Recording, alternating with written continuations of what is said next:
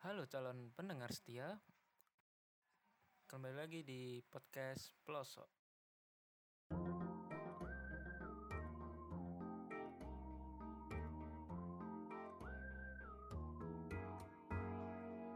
Kali ini kita akan membahas mengenai uh, sesuatu yang mungkin akan terlintas ya. Ya mungkin aja sih.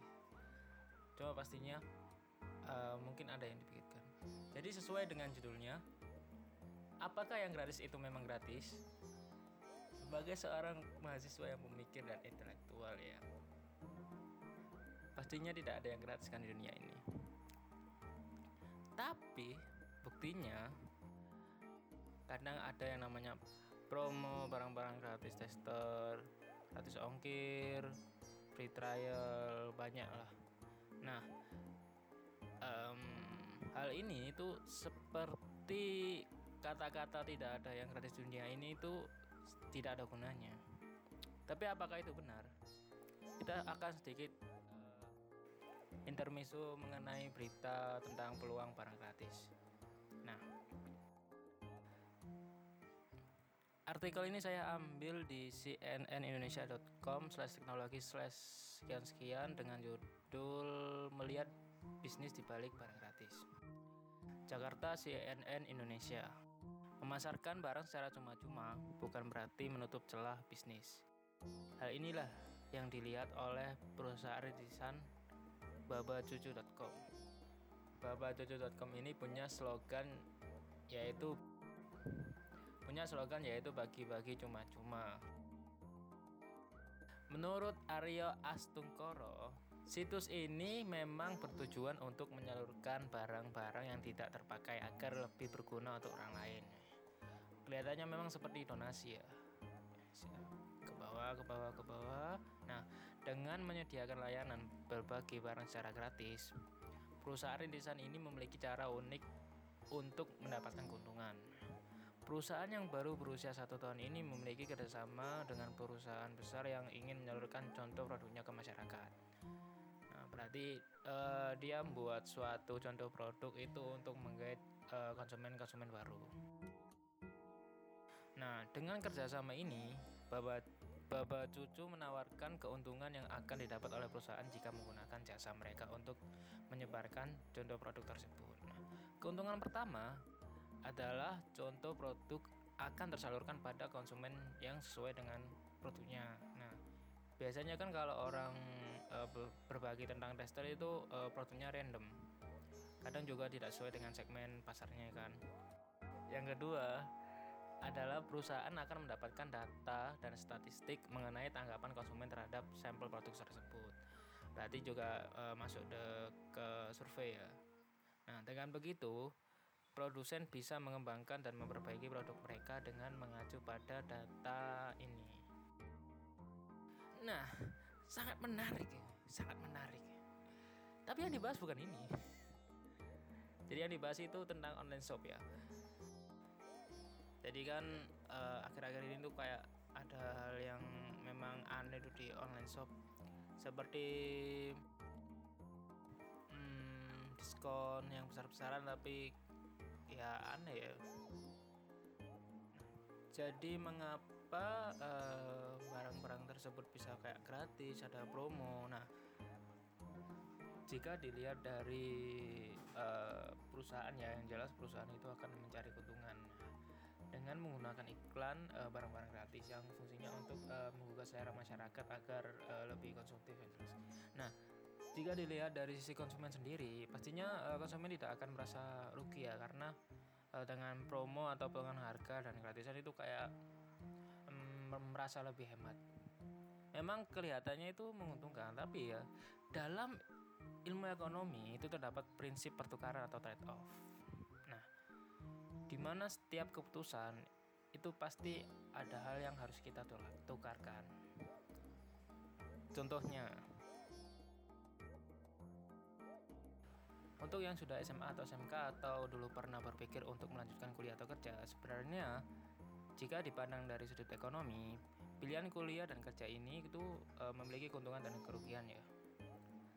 Tidak hanya sekedar memilih, walaupun memang masih belum ada yang dikeluarkan. Tapi saat memilih, akan e, membuat suatu pertukarannya sendiri. Misalnya jika Anda memilih kerja terlebih dahulu setelah itu kuliah, maka biaya pendidikan yang akan datang itu adalah trade off Anda. Selain itu juga jika Anda e, bekerja tanpa kuliah, maka ijazah Anda yang di masa depan itu adalah hal yang Anda pertaruhkan. Mungkin saja kan e, 4 tahun ke depan Anda akan e, salah saing kalah saing dengan lulusan S1 atau mungkin setelah Anda lulus SMK atau SMA langsung bekerja juga bisa dikatakan salah saing salah kalah saing juga. Nah, bagaimana dengan wirausaha? Sama saja kan? Pasti ada risiko bisnis dan peluang bekerja untuk mendapatkan uang per bulan itu bisa menjadi trade off pertukarannya juga. Jika memilih kuliah, yang jelas eh, peluang Anda untuk bekerja mendapatkan penghasilan per bulan itu adalah pertukarannya. Selain itu juga eh, 4 tahun kuliah itu juga kadang ditukarkan juga kan dengan 4 tahun pengalaman Anda yang bekerja. Kembali lagi ke barang yang gratis ya. Menurut saya kalau kita banyak membeli barang gratis atau um, menikmati promo itu kan dapat menjadi suatu kebiasaan ya Nah, jadi ke, uh, kebiasaan ini itu hmm, yang saya tahu ya dari dikutip dari ibiscoach.com slash membentuk strip kebiasaan strip baru diakses 20 Maret 2020 ya. Judulnya berapa lama sebenarnya waktu yang dibutuhkan untuk membentuk kebiasaan baru? Nah dari seorang peneliti psikologi kesehatan di Universitas College London Pilipalali. Ya Pilipalali. Aneh namanya. Pilipalali. Dal dalam sebuah penelitian yang diterbitkan dalam European Journal of Social Psychology uh, tim penelitiannya memutuskan untuk mencari tahu seberapa lama waktu yang dibutuhkan untuk uh, membentuk kebiasaan Studi ini meneliti kebiasaan 96 orang selama periode 12 minggu setiap orang memiliki satu kebiasaan baru selama 12 minggu dan melaporkan setiap hari tentang apakah mereka melakukan perilaku dan seberapa otomatis perilaku itu dirasakan. Dari hasilnya itu ya rata-rata dibutuhkan lebih dari dua bulan sebelum perilaku baru menjadi otomatis, tepatnya 66 hari dan e, berapa lama kebiasaan baru terbentuk dapat sangat bervariasi tergantung dari perilaku orang dan keadaannya.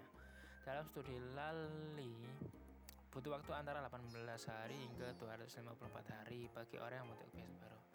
Nah, jadi ya, mari kita asumsikan jika Anda membeli barang gratis atau menggunakan promo secara terus-menerus. Asumsi yang pertama, asumsi yang pertama yang jelas hal tersebut akan menjadi suatu kebiasaan. Jadi, hal yang Anda pertukarkan pertama kali yaitu kebiasaan Anda untuk melakukan e, konsumsi barang-barang gratis atau promo-promo. Dan mengubah kebiasaan itu adalah suatu hal yang sulit kan? Asumsi yang kedua, dengan menjadi manusia yang senang membeli barang gratis. Dapat beralih ke hal gratis lainnya. Itu jelas ya. Mungkin aja pertama anda itu mungkin aja pertama itu suka sama promo. Tiba-tiba pindah ke diskon. Diskon pindah ke promo promo ke diskon diskon ke promo ke ke diskon. Nah hal ini memang e, seperti merespon insentif lah tapi kalau dilakukan secara terus menerus Sebenarnya penggunaan promo dan diskon ini sangat merugikan yang jelas. Nah, asumsi yang ketiga, misal ya, apa yang terjadi jika barang gratis yang di yang Anda konsumsi itu tiba-tiba tidak ada atau lenyap di pasaran. Yang jelas pasti Anda akan e, membeli barang yang berbayar jelas. Karena Anda sudah terbiasa untuk membeli barang tersebut dan mengkonsumsi barang tersebut tapi Eh, nggak ada promo atau nggak ada diskon yang pastinya anda akan membeli barang tersebut secara full dan itu akan sangat buruk bagi keuangan Anda. Jadi uh, seperti itulah uh, pertukaran yang akan Anda lakukan jika Anda terlalu banyak kok Anda jika Anda sering memakai barang gratis. Jadi intinya ya intinya yang pertama jika Anda sering atau selalu menggunakan barang promo, diskon atau gratis. Yang pertama, pastinya mengubah kebiasaan. Yang kedua, menjadi lebih konsumtif dari biasanya. Yang ketiga, ketergantungan. Ini yang parah. Jadi ya, saya sarankan tidak apa-apa sebenarnya kita membeli barang gratis atau mengejar promo dengan alih-alih mengurangi pengeluaran kita.